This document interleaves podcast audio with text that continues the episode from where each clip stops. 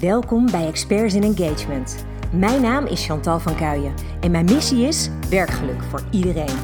In deze podcast neem ik je mee in onze opdrachten in employer branding en employee engagement. Ik deel onze casussen, ervaringen, uitdagingen en ik hoop dat je daar je voordeel mee doet en dat jij jouw organisatie transformeert in een sterk werkgeversmerk. Hi, dit is eventjes uh, een andere vlog, blog. Uh, het komt op beide kanalen, dus dat is wel uh, heel erg interessant voor deze tijd. En ik dacht, ja, dit moet ik gewoon eventjes doen. We zijn uh, in het laatste deel van 2021 terechtgekomen. En ik vond dat eigenlijk wel een heel erg mooi moment voor wat reflectie. Man, wat een jaar is dit geweest. Echt, als ik terugdenk aan naar de dieptepunten, maar ook de hoogtepunten, is het echt werkelijk alle kanten opgegaan. En het mooie vind ik altijd dat het wel bijzonder is als je dan in december terugkijkt en je gaat jezelf eens afvragen: Goh, wat is er eigenlijk allemaal gebeurd? Um, en wat zou ik eventueel anders hebben gedaan of in het vervolg anders doen? Wat heb ik ervan geleerd? Dan is deze periode wel voor mij als ondernemer een van de meest waardevolle geweest. Maar ook als mens. Ongelooflijk wat dit jaar gedaan heeft. Met alle omstandigheden die iedereen natuurlijk kent. Daar ben ik niet alleen in. Um, en dat, ja, veel momenten die hebben me geraakt. Um, en dat waren ook best wel hele lastige momenten. Er zaten ook hele mooie positieve dingen bij. En ik vind het wel heel erg mooi om ja, ook jou uit te dagen om na te denken over: hé, hey, wat heeft nou zo'n jaar gebracht? Wat doet dat met je? En wat gaat het je brengen op de langere termijn? Nou, 2021 begon voor mij um, als een jaar waarin ik dacht: oh, nou nu wordt alles wel beter. Hè? Na 2020, het grote coronajaar, toen dacht ik: nou, nu uh, hebben we dat wel een beetje gehad. En kunnen we ja, weer gaan bouwen. We kunnen weer naar de toekomst toe. Nou, niets was minder waar. Um, ik werd echt even flink op mijn op plek gezet uh, door het universum, door I don't know, ik weet het niet. Maar het was echt bizar. En ook heel erg waardevol overigens.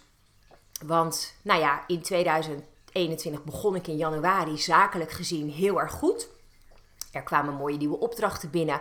Ik dacht, yes, dit wordt hem. We gaan in een goede flow. Maar eigenlijk vanaf februari, maart kwam er een soort daling.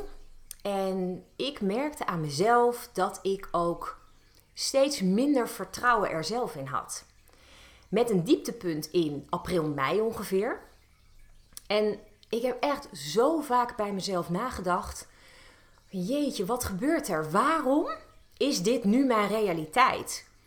En nou, je weet het misschien al, ik, uh, ik ben heel erg um, bewust altijd bezig met de wet van aantrekking. Dus ook daarbij kwam die gedachte in mij op. Wat heb ik nu zelf gedaan, gedacht, om dit zo aan te trekken? En dat was nog best wel een zoektocht. En dat vind ik ook altijd wel een hele interessante. Want die wet van aantrekking is niet, nou, u vraagt wij draaien en dan is het even geregeld. Nee, zo werkt het helaas niet. Um, maar goed, dat maakt het ook wel weer heel erg interessant om te kijken naar um, wat heb je dan voor invloed om dingen ook weer om te draaien. Mijn grote ommedraai, uh, ommekeer, whatever, raar woord, um, dit jaar was een etentje dat ik had met oud-collega's. Ik heb er een eerdere podcast over opgenomen, over wat zij mij hebben bijgedragen toen uh, tijdens dat etentje. En zij zeiden eigenlijk van joh, wat is je grootste angst? Wat is hetgeen waar je het meest tegenop ziet? Wat houdt jou tegen om een volgende stap te zetten? En dat was het besefmoment dat ik een bedrijf leidde volgens een manier die niet bij mij paste. Het was voor mij um, uh, het idee zoals een traditionele BV eruit zou moeten zien. Met standaard medewerkers en alles ingericht zoals het volgens het plaatje hoort. En dat was het moment dit jaar dat ik dacht: maar dat ben ik helemaal niet. Dat past helemaal niet bij wie ik wil zijn en bij wat ik nodig heb om het best mogelijke te kunnen bieden. En dat was ook heel opvallend, want de opdrachten die er wel binnenkwamen dit jaar waren opdrachten die voornamelijk op mijn bord lagen. Waarmee ik ook een beetje de boodschap kreeg van hé hey joh, voor jou is er wel voldoende te doen. Alleen de mensen die nu nog aan jou verbonden zijn in je bedrijf, kunnen daar op dit moment niks meer aan toevoegen. En dat vond ik een heftig bewustzijn. Ik vond dat bizar om dat te bedenken. Want gek genoeg, mijn bedrijf, een soort van kindje, ehm, eh, ja, was zo belangrijk dat dat zou slagen. Dat ik het als falen zag om afscheid te nemen van deze medewerkers. Maar het moment dat ik dus het wel durfde te overwegen en dat ik het letterlijk heb besproken met mijn collega's, met mijn medewerkers, dat was een moment dat er echt wezenlijk iets veranderde. Dat was in juli. Ik heb in juli op een gegeven moment aan twee van mijn medewerkers gevraagd of ze alsjeblieft wilden gaan solliciteren. Omdat ik niet voorzag dat we nog succesvol iets konden neerzetten met elkaar. En in alle eerlijkheid, als ondernemer drukte ook die last heel erg op mijn schouders. Dat de mensen toch gewoon elke maand ook een salaris mogen verwachten. Voor ook gewoon überhaupt dat ze hun tijd aan mij beschikbaar stellen. En ik dacht eigenlijk op dat moment van... hé, hey, maar dit is dus... hier wringt het voor mij. Dit is de manier van ehm, ondernemen die niet zo bij mij past. Nou, dus dat was eigenlijk wel heel erg fijn, want ik heb dat in een hele mooie openheid kunnen doen met mijn medewerkers. We hebben daar echt wel uh, goede gesprekken over gehad. En zij zijn ehm, ook ja, best wel enthousiast aan de slag gegaan om te gaan solliciteren. En in september was het dan al zover. Zij hadden allebei een andere baan. Super mooi, gave nieuwe kansen waar ze weer heel erg veel in konden groeien. En dat vind ik dan ook wel weer fantastisch. Dat je denkt, ja, ik heb toevallig nu uh, ook Niels weer net gesproken tijdens onze eindejaarsborrel. En die vertelde over alle mooie nieuwe ontwikkelingen die hij daar binnen dat bedrijf mag opzetten. En dan ben ik alleen maar zo trots op hem dat hij die kans gegrepen heeft en dat hij dit nu aan het doen is. Uh, en daarmee weer een andere organisatie zoveel verder brengt. Of Tim, die bijvoorbeeld nu volledig, uh, echt compleet diep in onderzoeken duikt. En alles leert wat er te leren valt over het doen van onderzoek. Fantastisch. Dus dat vind ik wel echt hele mooie ontwikkelingen. En ik heb voor mezelf ontdekt dat ik niet degene ben die voor vast mensen in dienst per se hoeft te hebben. Maar ik wil wel een vast team. Dus wat ben ik gaan doen de afgelopen maanden? Ik heb mensen om mij heen verzameld. Freelance, ZZP, hoe je het ook maar wilt noemen. Bureaus, hoe je het maar wilt noemen. En ik heb daar een, een team van gemaakt. Waarmee we dus nu de opdrachten kunnen doen. En dat voelt echt fantastisch. Want het is wel een soort van dedicated team. De mensen zijn wel echt onwijs bezig ook met de beste kwaliteit leveren. En uh, nou, er wordt gewoon echt fantastisch goed gewerkt. Dus ik ben echt onwijs dankbaar voor iedereen om mij heen. Kim, Danielle, Yara, Doreen. Iedereen die mij helpt om hier gewoon echt een succes van te maken. En het mooie was, en dat is misschien ook wel het, het, het gaafst om te beseffen dit jaar. Vanaf september, oktober kwam er een ontzettende hoeveelheid aan opdrachten binnen. Mooie opdrachten, te gek gave nieuwe opdrachten voor de mooiste organisaties ook. Oh, echt zo dankbaar voor dat ik voor zulke prachtige organisaties, bijvoorbeeld de tussenvoorziening, mag werken.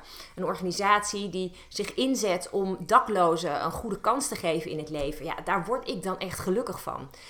En ik bedacht me eigenlijk op dat moment dat ergens moest ik dus al die keuzes maken om deze nieuwe kansen voor mezelf te creëren. En dat is wel ergens ook de ultieme wet van aantrekking. Want wat gebeurde er? Ik maakte een keuze en ik vertrouwde erop dat die keuze ertoe zou leiden dat er een heel mooi nieuw begin zou komen. En dat vertrouwen dat ik dacht: oké, ik heb deze keuze nu gemaakt, ik heb het opnieuw ingericht.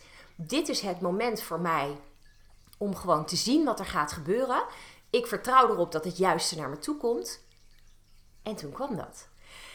En oh, ik, ik kan je niet vertellen hoe ongelooflijk veel blijdschap dat bracht. En dankbaarheid. Dat ik echt dacht: wauw, dat dit gewoon dit jaar nog mogelijk is. Dat ik een enorm verlies waar ik in stond als bedrijf in juli. in nog geen vier maanden heb kunnen goedmaken aan het einde van het jaar. Bizar. En dat vond ik wel afgelopen weken ook, toen ik er heel erg aan het nadenken was van, goh, wat heb ik nou eigenlijk allemaal doorgemaakt dit jaar? Dan is dat vooral heel veel persoonlijke groei. En dat vind ik ook wel iets heel bijzonders, weet je. Ik bedoel, come on, ik ben inmiddels een veertiger. En ehm, ja, hoe ouder, hoe gekker. Maar ik heb echt het idee dat ik gewoon continu nog zoveel over mezelf blijf ontdekken. En dat ik nog zoveel aan mezelf kan werken. Nog zoveel kan leren over hoe ik beter in het leven kan staan. Hoe ik bijvoorbeeld dingen los kan laten. we hebben het over een situatie die om ons heen plaatsvindt. Um, ik vind de wereld nog nooit zo hard geweest. Um, eerlijk, van mijn hart naar de jouwe nu uitgesproken. Ik vind het heel erg moeilijk om te zien wat er op dit moment gebeurt met kinderen. Um, de angst die kinderen wordt aangepraat. Um, de dreiging die er nu hangt van we gaan kinderen vaccineren. Ik heb een hoogsensitieve zoon. En alles in mij zegt bescherm hem. En dat is wat ik dus ook wil doen. En tegelijk wil ik zo graag ook andere kinderen beschermen. Ik heb dus, ik denk dat het inmiddels twee, drie weken geleden is, een vraag geplaatst in de klasse WhatsApp groep van mijn zoon. En daarin gevraagd hoe mensen aankijken tegen de maatregelen die er nu zijn. Hij zit namelijk in een klas waar ze inmiddels mondkapjes moeten dragen in de school. En mijn zoon was daar heel erg door van slag. Die vond dat ongelooflijk ingewikkeld. Een mondkapje op en eh, er zit iets in mijn gezicht en dat vind ik ingewikkeld en lastig.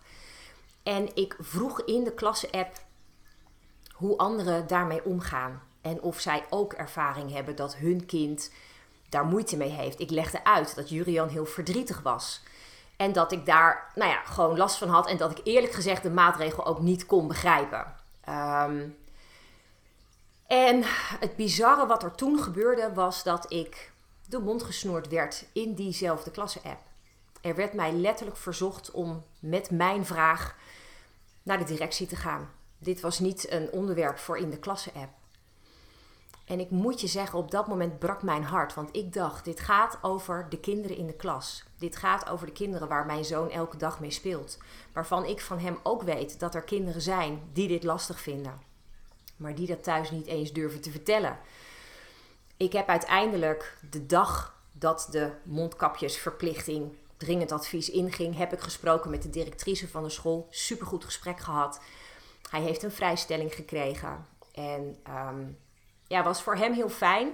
En ik vond het ook heel erg fijn dat ik met haar wel een open gesprek erover kon hebben. En dat we gewoon met elkaar konden bespreken, nou ja, wat dit allemaal inhoudt, wat het doet met kinderen. En sindsdien, sinds dat moment, word ik genegeerd door het grootste deel van de ouders uit zijn klas. Blijkbaar had ik in die app niet een vraag mogen stellen, een kritische vraag. En daar ging het mij om, dat ik dacht, Oké, wat is er aan de hand in deze wereld? Er wordt van alles medegedeeld, er wordt van alles opgedragen. En zoveel accepteren alles wat er gezegd wordt en vinden het lastig om daar een kritische vraag over te stellen. Of dat wel een juiste maatregel is, of het wel een juiste keuze is. En dat vind ik lastig, want ik ben juist degene die het prettig vindt om voor mezelf te blijven nadenken en voor mezelf te blijven afvragen: is dit wat ik wil? Is dit wat ik nodig heb? Is dit voor mij het goede? En niet alleen voor mij, maar ook voor mijn man en mijn zoon. En oké, dat ik dan blijkbaar die vragen niet mag stellen, vind ik één ding. Maar dat mensen dus vervolgens het nodig vinden om hem te gaan negeren, die hakt er wel in. Ik merk dat ik dat heel erg last vind. En dat is ook wat ik een beetje bedoel met die verharding die ik heel erg voel op dit moment. En het heeft me ook tegelijk weer iets heel moois geleerd. En dat is door veel meer gewoon bij mezelf te blijven veel meer na te denken over, maar wat vind ik belangrijk? En ik doe het voor mijn eigen kind. Ik weet inmiddels van Julian dat er dus nu, dankzij zijn issue hiermee, nog een paar kinderen in de klas zijn die een uitzondering hebben gekregen omdat ze het ook heel erg moeilijk vonden. Nou, dat is dan gelukt en dat vind ik super fijn. Daar ben ik dan al heel dankbaar voor. Maar ik heb wel heel erg geleerd. Toevallig vanochtend, gebeurde het ook. Ik bracht Julian naar school. Ik kom mijn moeder tegen met wie ik voorheen echt wel uitgebreide gesprekken voerde. En zij draaide haar hoofd weg toen ze me zag. En dat stak me. Ik merkte toen ik daarna doorliep, ik had afscheid genomen van Jurian en ik doe dan altijd even een rondje, dan wandel ik, luister ik een podcast. En ik merkte echt dat het me diep raakte en dat ik dacht: waar heb ik dit aan verdiend? Puur door een kritische vraag te stellen. En ik whatsappte met Dennis en ik zei tegen hem van... joh, nou, dat raakt me echt. Ik vind het lastig en het, uh, het voelt een soort van onrechtvaardig. Want ik probeer op te komen voor onze kinderen en het wordt me kwalijk genomen. En, en hij zei, maar je hebt het gedaan voor jouw kind. En jouw kind heeft hier baat bij gehad. Die kan zo ultiem mogelijk veilig leven... doordat wij bepaalde dingen voor hem doen, voor hem regelen. En dat een ander daar moeite mee heeft, ja, dat is eigenlijk gewoon bij die ander. En dat vond ik ook wel weer een hele mooie. Dus ik kon uiteindelijk het ook voor mezelf afsluiten. En ik kon bij mezelf nadenken van oké, maar dit is dus inderdaad de keuze die ik heb gemaakt. En dit is een, een, een, nou, een consequentie daarvan. Maar dat zegt niet iets over mij. En dat vind ik dan ook alweer een hele mooie. En ik had daarna een podcast die ik opzette. En dat ging dan heel toepasselijk ook over uh, hoe je in het leven staat qua bewustzijn. En um, dat als je bepaalde dingen eenmaal ziet, dat je ze niet meer niet kan zien.